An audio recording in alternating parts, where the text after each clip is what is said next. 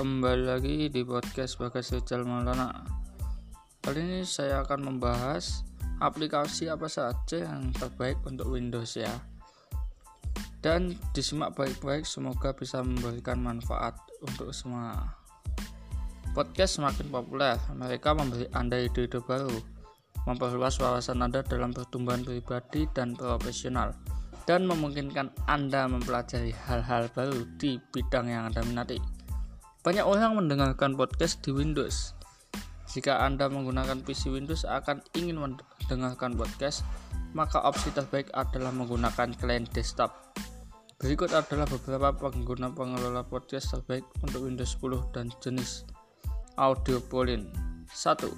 iTunes. iTunes adalah pengelola podcast populer untuk Windows iTunes tuh memiliki banyak pilihan podcast di setiap kategori, termasuk berita, olahraga, filosofi, teknologi, dan banyak lagi. Katalognya yang luas dan fitur manajemen podcast yang intuitif membuat aplikasi ini sangat berharga.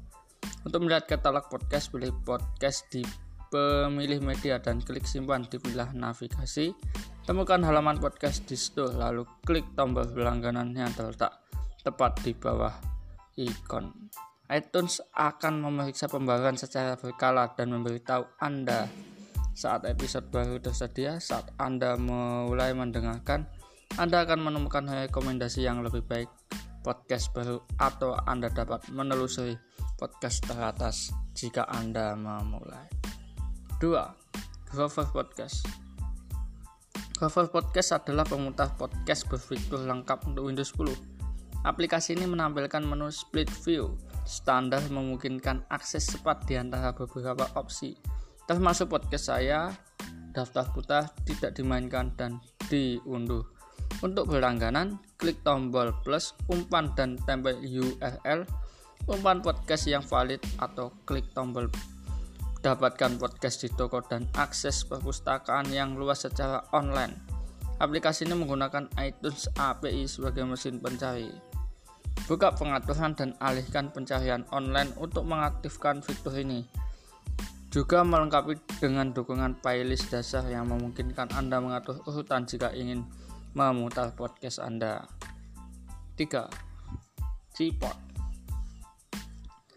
Cipot adalah pengelola aplikasi open source untuk podcast PC Windows.